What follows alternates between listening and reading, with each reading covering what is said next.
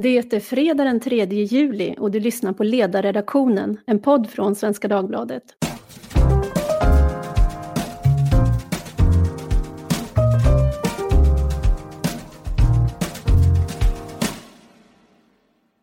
Jag heter Tove Livendal och idag ska vi tala om Almedalsveckan. Ja, eller åtminstone som vi minns den. För i detta coronans år är den gigantiska åsiktsfestivalen en av de många mötesplatser som fått ställas in. Almedalsveckan 2019 bestod av närmare 3700 genomförda evenemang och man räknar med att närmare 42 000 unika personer var på plats. Så när vi idag sammanfattar Almedalsveckan som inte gick frågar vi oss, behövs Almedalen? Har den överlevt sig själv som format? Och vad för slags politisk kreativitet gick vi miste om i år? För att diskutera det här har jag samlat en fredagspanel bestående av Sakine Madon som är politisk chefredaktör på Uppsala Nya Tidning. Välkommen! Tack så mycket! Här finns också Niklas Svensson, programledare för Expressens direktsända nyhetsprogram Direkt med Niklas Svensson. Välkommen! Ja, men tack så väldigt! Och här har vi också Peter Wemblad som är rådgivare på Powers Åberg Communications med en bakgrund som bland annat chef och ansvarig utgivare på Gotlands Allehanda och som också har varit ledamot i regionfullmäktige och regionstyrelsen på Gotland. Välkommen! Tack så mycket! Ja, om vi börjar med att fråga då Almedalsveckan, hur känns det att den inte blev av? Tackine. Eh, jo, men det, alltså det är väl lite tråkigt för att man har ju varit ganska isolerad under hela den här våren med tanke på coronakrisen. Eh, och jag har väl upptäckt att jag inte är så introvert som jag kanske har trott. Så nu känns det lite tråkigt ändå. Eh, visst, det har varit några sådana här digitala seminarier och så, men det är ju någonting helt annat att få vara där på plats. Mm. Vad säger Niklas? Ja, men dubbla känslor skulle jag säga. De senaste åren har jag väl nästan drömt om att en enda gång få vara ledig den där första semesterveckan som grannarna på landet är lediga. Och nu fick jag det. Men, men då sitter jag och saknar Gotland och undrar eh, hur det kunde ha varit. Så att, eh, ja, det är dubbla känslor. Nu får jag i vart fall uppleva den första semesterveckan med mina grannar på landet och det är kul. Mm. Peter, hur känner du detta? Ja, jag har ju lyxen att vara på Gotland i alla fall. Eh, så att den delen går jag inte miste om. Men det är väl som Niklas säger, det är lite, lite dubbelt. Alltså jag tycker väl kanske att Almedalsveckan har blivit lite som hockey-VM. Det är ett fantastiskt evenemang, men lite för ofta. Eh, så att jag tror att, jag tror att Almedalen kan må bra av det här breaket. Vi återkommer väl till det, antar jag. Ja, men det ska vi göra. Men jag vill också bara veta, och när, vi, när vi nu ska tala som experter här om Almedalen så vill jag ju veta vad ni grundar det på, hur länge ni har varit där. Jag tror att jag var i Almedalen första året 2000 och sen 2001 då minns jag att jag och Kristina Axén Olin gick runt med t-shirts som det stod “De kallar oss Thatchers” på. och tyckte att det mm. var kul kommunikation. Och på den tiden så var det ju, jag minns att man berättade och talade med stora ord om att det är över hundra evenemang på den här veckan. Vi tyckte det var mycket då. Och sen har jag varit där nästan varje år, så det hade väl varit nästan 20-årsjubileum i år då. Men vad har ni andra för Almedalsmeriter? Jag tror att jag eh, var där det året när du bar den t-shirten, eh, Och sen dess har jag varit där varje år. Så att eh, för, har jag räknat rätt så skulle det ha blivit mitt tjugonde år i år också. Mm. Och nu sitter vi här. jag, jag har faktiskt lite svårt att svara på den frågan. Alltså som boende i Visby så vet man liksom inte riktigt om man är på Almedalsveckan eller hemma. Det, jag, jag har liksom varit i Visby utan att delta på Almedalsveckan och jag har varit i Visby och deltagit på Almedalsveckan. Men jag minns att min första, mitt första minne av Almedalsveckan det var faktiskt när jag gick på gymnasiet och då var det två seminarier. Det var Socialdemokraternas ekonomisk-politiska seminarium och Moderaternas ekonomisk-politiska seminarium. Det var det. Men kallar man det ändå för Almedalsveckan då eller? Jo då, alltså det gjorde man absolut. För det var ju det var de dagliga partiledartalen. Så det här var väl på tidigt 90-tal. Och Säcken, hur mycket har du varit i Almedalen? Eh, jo, min, mitt första år var nog faktiskt 2003. Eh, när det var väldiga debatter inför eh, euroomröstningen. Eh, och jag åkte väl ner med något distrikt, eh, något eh, Liberala ungdomsförbundsdistrikt. Eh, och det är ju klart, det var ju Eh, Alltså det, det är Almedalen, och jag har ju varit där varje år sedan dess. Eh, så att det har ju också blivit en vecka där eh, Alltså nu såg jag, liksom, man har ju hört att så här, ja, men Almedalen är som så här, Hultsfred för politiknördar. Nu såg jag ytterligare någon så här väldigt träffande eh, beskrivning flyga förbi här i, i sociala medier. Eh, Stockholmsveckan för fula. jag tyckte det var lite kul. Eh, men, men om man ska ha lite distans till, till det så Eh, är det ju faktiskt, ehm, alltså det, det, är ju en så här återkommande vecka som väldigt många människor som är politiskt intresserade tycker det är liksom väldigt kul. Man har många minnen efter alla de här veckorna om och man har varit där regelbundet. Eh, men som sagt, sen eh, 2003. Eh, sen jag var en hyfsat ung luffare en gång i tiden. Och då skulle jag säga att just Almedalsveckan 2003, den skulle man kunna utse till någon slags vecka för åsiktskorridoren eller åsiktsbubblan. För jag minns det året, just som du säger, med eurokampanjen och alla som var i Almedalen, de åkte hem och sa att det känns som om det har vänt opinionen kring euron. Och det handlade ju om att man hade gått fram och tillbaka och mött varandra men utanför hade ju faktiskt inte opinionen vänt. Jag tyckte jag blev en sån där påminnelse. Men om vi ska komma in på det här med formatet då, som Peter var inne på, för det är ändå många som har talat om under en tid att det är dags att förnya och sen finns det andra som tycker lägg ner skiten. Men medan andra då säger att det är bra som det är. Vad, vad tycker ni? Ska man göra om eller ska man bevara? Ja, alltså jag tycker Almedalsveckans både styrka och svaghet är ju att veckan blir vad deltagarna gör den till. Jag tycker det är svårt att säga vad Almedalsveckan är. Därför att det har förändrats med tiden eh, väldigt mycket. Så att min känsla är väl ja, det behövs en, en förnyelse. Det, det, har börjat gå i repris. Däremot är det svårare att säga så här, men vem är det som ska vad säger, genomföra den förändringen? Vem är det som har makten och förmågan att, genom, att förändra ett så pass anarkistiskt eh, arrangemang som det, det ändå är? Mm. Niklas? Ja, jag tror att en förändring är nödvändig eh, och att den förändringen måste förr eller senare bestå i att man kortar ner veckan. Eh, vi som har varit där de senaste åren har ju sett att de första dagarna och de sista dagarna under Almedalsveckan, de liknar inte mittendagarna under veckan. Eh, oavsett vilket parti som börjar eller avslutar i Almedalen så är eh, uppmärksamheten betydligt mindre. Publiken är mindre, intresset är mindre första och sista dagarna. Så att, att korta ner veckan som många före mig har föreslagit till fyra dagar, det tror jag att veckan skulle må bra av. Eh, om det sen blir måndag till torsdag eller torsdag till söndag, det spelar mindre roll, men att man, att man koncentrerar det som hände till fyra dagar istället för åtta. Det tror jag att eh, Almedalen skulle vinna på. Sakini, vad tänker du om det? Ja, alltså jag kan väl förstå det som eh, också har varit där i eh, ja, min egenskap av ledarskribent framför allt. Eh, så att det stämmer ju det, det Niklas säger, men samtidigt kan jag förstå de här mindre partierna eh, som är oroade över då att skulle man slås ihop och kanske dela på Eh, partidagar med ett större parti eh, så förlorar man ju väldigt mycket uppmärksamhet på det. Och jag kan väl tycka att det finns något ganska fint i det här med att ett parti har liksom en dag.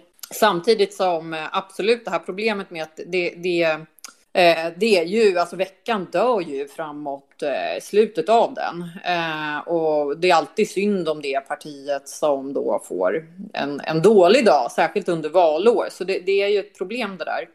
Men eh, sen skulle jag väl säga så här, den stora förändringen mot hur det var för eh, liksom de första åren man var, man var på plats, det är ju att Almedalsveckan har ju blivit så himla stor, eh, på gott och ont. Eh, jag tycker att någonting som ändå är positivt med att det är så liksom, stort och spretigt, det är ju att man hittar ganska...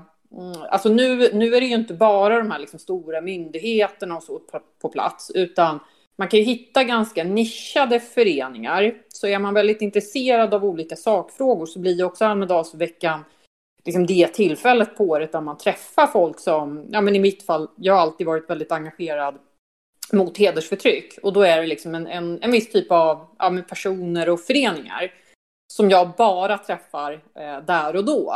Eh, för att man är liksom utspridd över hela landet annars. Eh, så att eh, jag skulle nog ändå tycka att det var lite, lite tråkigt. Alltså det, det, skulle kunna uppstå nackdelar också med att pressa ner det ytterligare. Jag menar hur, hur ska alla föreningar få tag i lokaler? Hur ska man liksom hinna med allt som faktiskt också är bra? Sen tycker jag ju själv att eh, det här med att fler och fler företag har hittat dit och fler aktörer från civilsamhället har ju gjort det bättre eh, därför att ja, det, det är som det är när partier ska arrangera seminarier, det blir ändå visst tillrättalagt och det finns, eh, jag tycker det har, man har hittat större kvalitet ibland bland nya arrangörers evenemang så att det finns ju en pluralism som har växt för varje år jag tycker nog att kvantiteten som har växt också har följts åt att kvaliteten har ökat. Så att det där vill man ju också på något sätt bevara. Men eh, om man ska gå till Gotland nu, det är ju, det, förutom att det är en stor turistdestination så är ju då de här,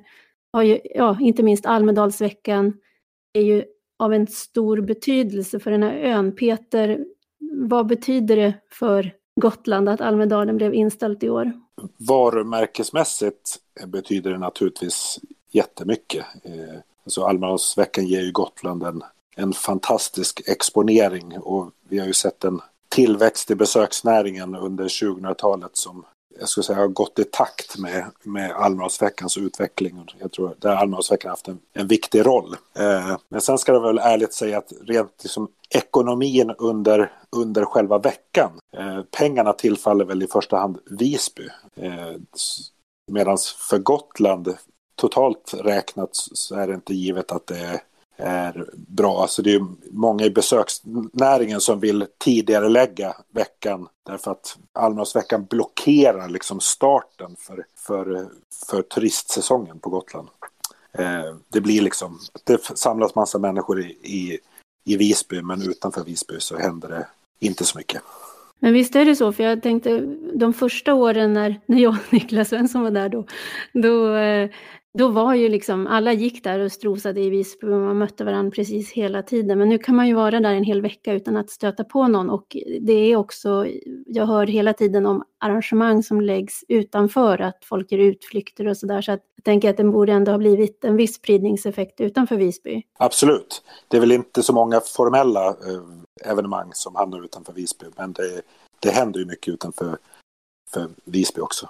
Mm. Men sen för, sen för så enskilda företag så har det ju här varit ett, ett dråpslag. Så jag tror att alla som har varit på ett all, mer än ett Almedalsseminarium har stött på ett företag som håller på med ljud och ljus som heter PA-kompaniet. De vet, där står Almedalsveckan för halva deras årsomsättning som då försvinner i, i ett slag. Liksom.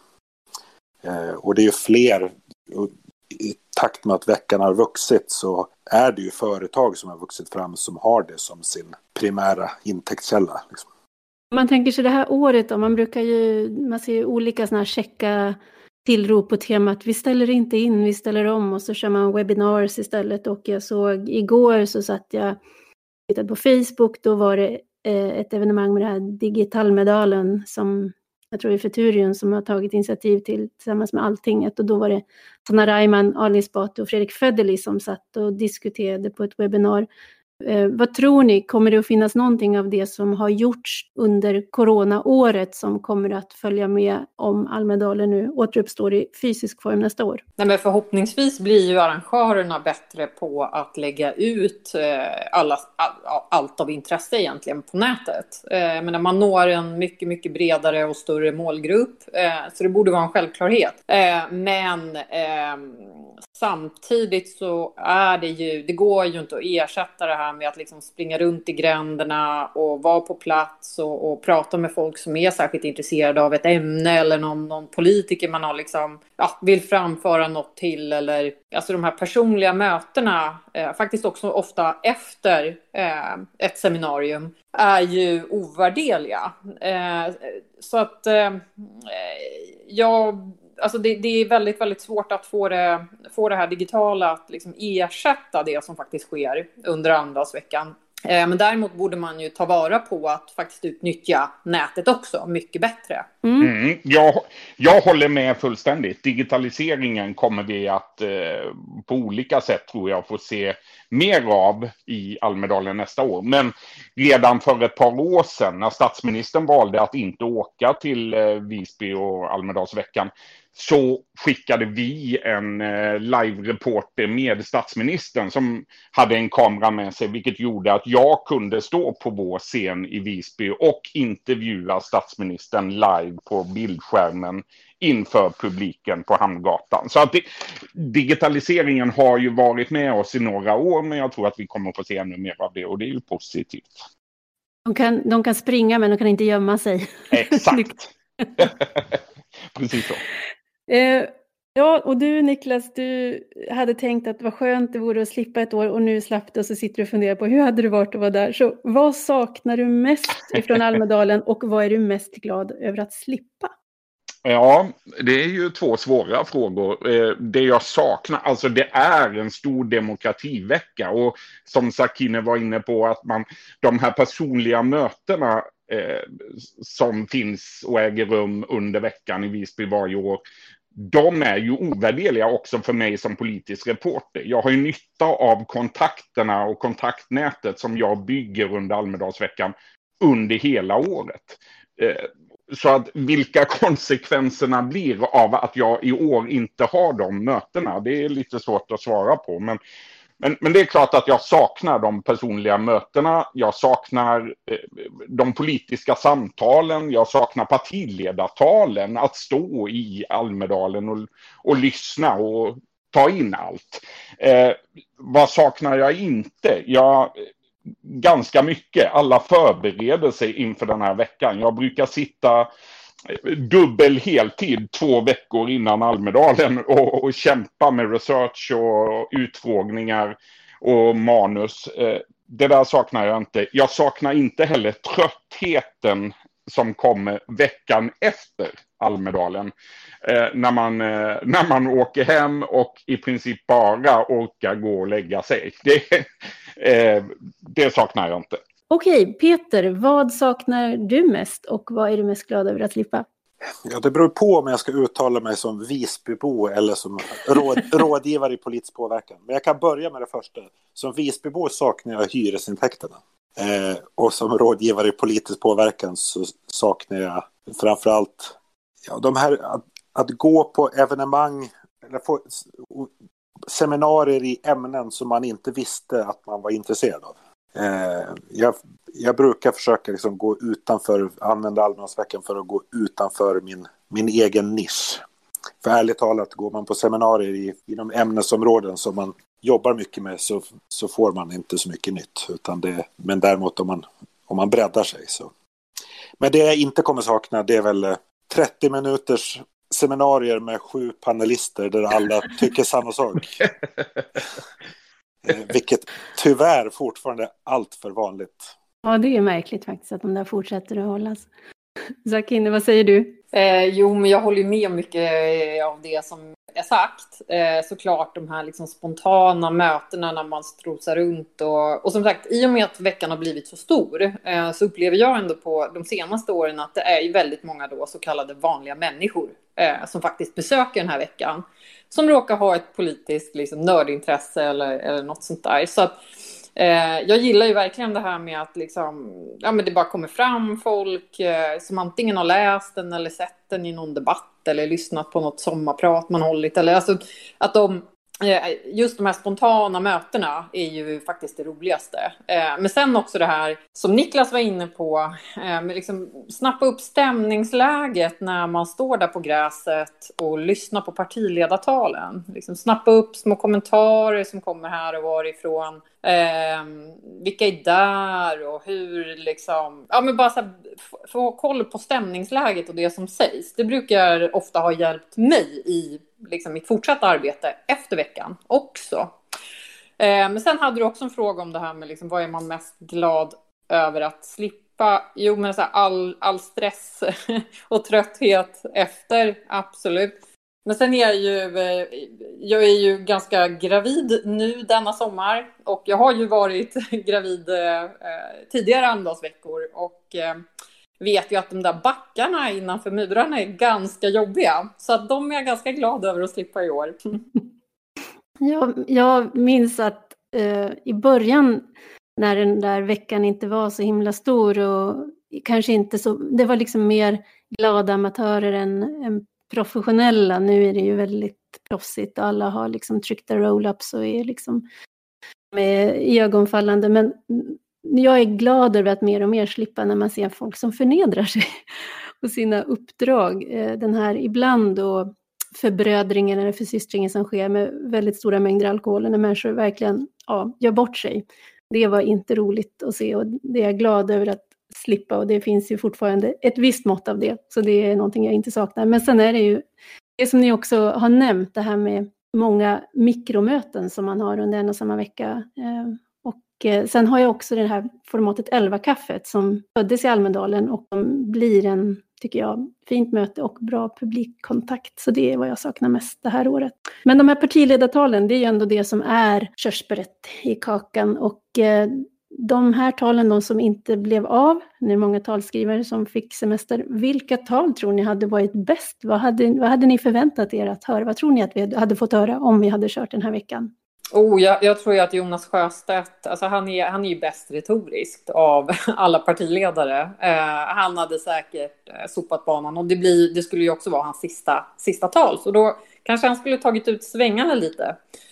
Eh, men i övrigt så det är klart det hade varit väldigt spännande att höra eh, Socialdemokraterna och Miljöpartiet. Eh, Socialdemokraterna brukar ju inte skicka ner Löfven, eller dit Löfven eh, nu för tiden. Men men eh, Miljöpartiets språkrör hade ju varit lite spännande att se vad de skulle hitta på och kommentera. Jag tror väl att det mest intressanta talet hade varit Socialdemokraternas. Alltså att oavsett om det är Stefan Löfven eller någon annan representant så är ju liksom Socialdemokraterna i ett läge där man för en politik man inte tror på och dessutom är väldigt pressad av, i ett väldigt, def, en väldigt defensivt läge på grund av eh, pandemin och det skulle vara intressant och liksom hur Socialdemokraterna skulle ta sig an det i ett sånt linjetal. Jag håller med föregående talare här om att Socialdemokraterna och Miljöpartiet i det läge vi befinner oss nu naturligtvis är, är de mest intressanta. Eh, inte minst med tanke på att det finns en uppenbar spricka just nu i synen på migrationen. Det där skulle man ju verkligen vilja både ställa frågor om och eh, höra dem tala om. Det är kanske några som ändå tycker att det är väldigt skönt att inte vara på plats och behöva svara på frågor från dig Niklas. Alldeles säkert. Eh, om vi ska säga något allmänt apropå formkurvan för partierna, för den brukar ju ändå bli, de här talen blir ju en slags värdemätare på det, och vi har varit inne på det. Jag brukar, jag hade nog satt en liten bock i kanten i och för sig för Ebba Busch Thor, för efter den här gigantiska flaggan för några år sedan så tänker jag att hon, hon, hon är beredd att satsa högt, man vet liksom aldrig vad som ska hända, så det kunde ha blivit en, ja, en, en stor osäkerhetsfaktor på vad hon skulle ha sagt, men någonting då om formkurvan, vad ska vi säga, vi börjar med oppositionen. Eh, för Socialdemokraterna, det tyckte jag blev väl sammanfattat, att de är ju på ett väldigt obekvämt ställe av många skäl. Men vad säger man om oppositionen? Vad är formkurvan för den? Efter den här våren så, har det ju, så är det ju Moderaterna som har haft eh, visst medvind och det är ju inte märkligt i den här typen av kriser som corona att eh, ja, de eh, liksom statsbärande stora partierna eh, får medvind. Eh, men eh, sen är det ju klart, jag, alltså Jimmy Åkesson, eh, han hade ju definitivt kört mycket på migrationsfrågan. Eftersom där är ju, det är ju verkligen hemmaplan för honom. Eh, och Ebba Busch Thor kanske skulle försöka överraska. Hon har också haft lite svårt att liksom, ja, sticka ut och, och finnas. Eh, sen är det ju, ser man på januaripartierna så är det väl framförallt Nyamko Sabuni som skulle behöva göra något i år. Mm, Peter, vad säger du? Eh, nej, men jag delar väl Zackrins uppfattning att Ulf Kristersson har ju eh, klivit fram som opinions, eh, oppositionsledare under pandemin efter en lite tveksam... Det är ju tydligt att han har tagit initiativet som oppositionsledare och liksom drivit regeringen framför sig i, i flera frågor kring eh, pandemin, allt från testning till till eh, Coronakommissionen. Så att oaktat liksom opinionssiffrorna så är det ju eh, en stigande formkurva för, för hans del. I övrigt tycker jag väl att de andra oppositionsledarna, vilka som nu utgör oppositionen, är lite, där är formen lite svårläst. Eh, men Ja, så det, ja, nej, men Kristersson har ju en, en, en eh, bra formkurva och det har varit intressant att se om han liksom kunde rida på den vågen även i, i Almedalen eller om piken har passerats. Ja, men jag tänker på det att med Sverigedemokraterna eh, steg ju så starkt i opinionen, men jag tänker att många av deras väljare kanske inte i första hand tänker att det här är det stora regeringsbärande partiet jag tänker mig, utan det här är ett parti som markerar och som rör om och som ger uttryck för ett missnöje som jag också bär. Eh, och nu när vi är i ett läge som där alla är medvetna om att det är en kris, då kanske det också man kanske också viktar vad man vill ha partierna till på ett annat sätt. Niklas, vad säger du om formkurvan när det gäller partierna och kanske framförallt oppositionen? Men det är en bra fråga vilka de då utgör. ja, men exakt vilka utgör de? Eh, nu känns det ju som att vi har ett oppositionsparti i regeringen, nästan Miljöpartiet som tycker är helt annorlunda mot eh, Socialdemokraterna och detta sker inför öppen ridå. Ett av krispartierna förstås Miljöpartiet och det andra tydliga krispartiet i svensk politik just nu, det måste ju vara Liberalerna som i eh, de senaste mätningarna konsekvent har legat under 4 procent och också under 3 procent. Det är ju kris på allvar för Nyamko Sabuni som skulle vända utvecklingen för det här partiet när hon tog över efter Jan Björklund. Så att de två partierna står lite ut, tycker jag, som förlorare just nu.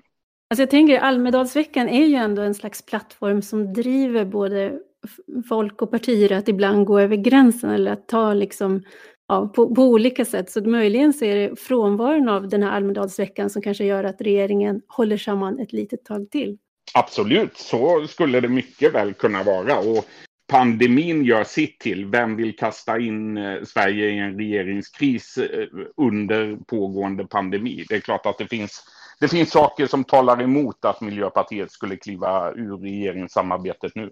Ja, det börjar bli dags för oss att runda av och istället för att vi då eh, diskuterar när det är dags att lämna ön, om, om, om veckan redan har pikat, så tar vi den obligatoriska fredagsfrågan, nämligen vad gör ni i helgen och har ni något tips till våra lyssnare?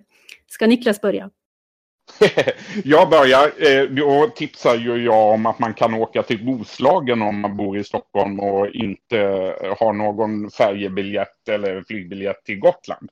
Eh, eh, för Roslagen är fantastiskt på sommaren. Jag sitter själv utanför Norrtälje just nu. Och det, solen skiner och det är klarblå himmel. Äh, klarblå himmel, det är lite molnigt. Men, men eh, jag rekommenderar alla att, att kika upp här. Och snart finns det dessutom kantareller i skogarna. Vad gör jag i helgen? Ja, om solen fortsätter skina så tar jag båten eh, ute på fjärden här utanför Eh, om det regnar, eh, då åker jag in och äter på någon eh, av Norrtäljes restauranger eller eh, bänkar mig framför eh, en dokumentär på Netflix.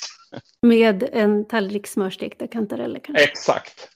Ja, det lät bra. Sakini, helgen och tips? Mm, alltså själv kommer jag nog ta det ganska lugnt eh, på, på grund av mitt liksom, gravidtillstånd. Behöver jag vila en del men något tips? Eh, jo, men det här med bada är ju alltid bra. Eh, och, och, ja, det, folk liksom ja, flockas kring sjöar och, och hav. Och det, det tycker jag är sunt. Jag har på sistone bråkat ganska mycket med lokalpolitikerna i Uppsala som, eh, där faktiskt Miljöpartiet går i täten för att stänga ett nakenbad som har funnits vid Fjällnora sedan 70-talet. Och som nakenliberal är jag lite oroad över det här. Eh, så jag hoppas att eh, lyssnarna tar sig dit om de är i Uppsala-trakten och badar.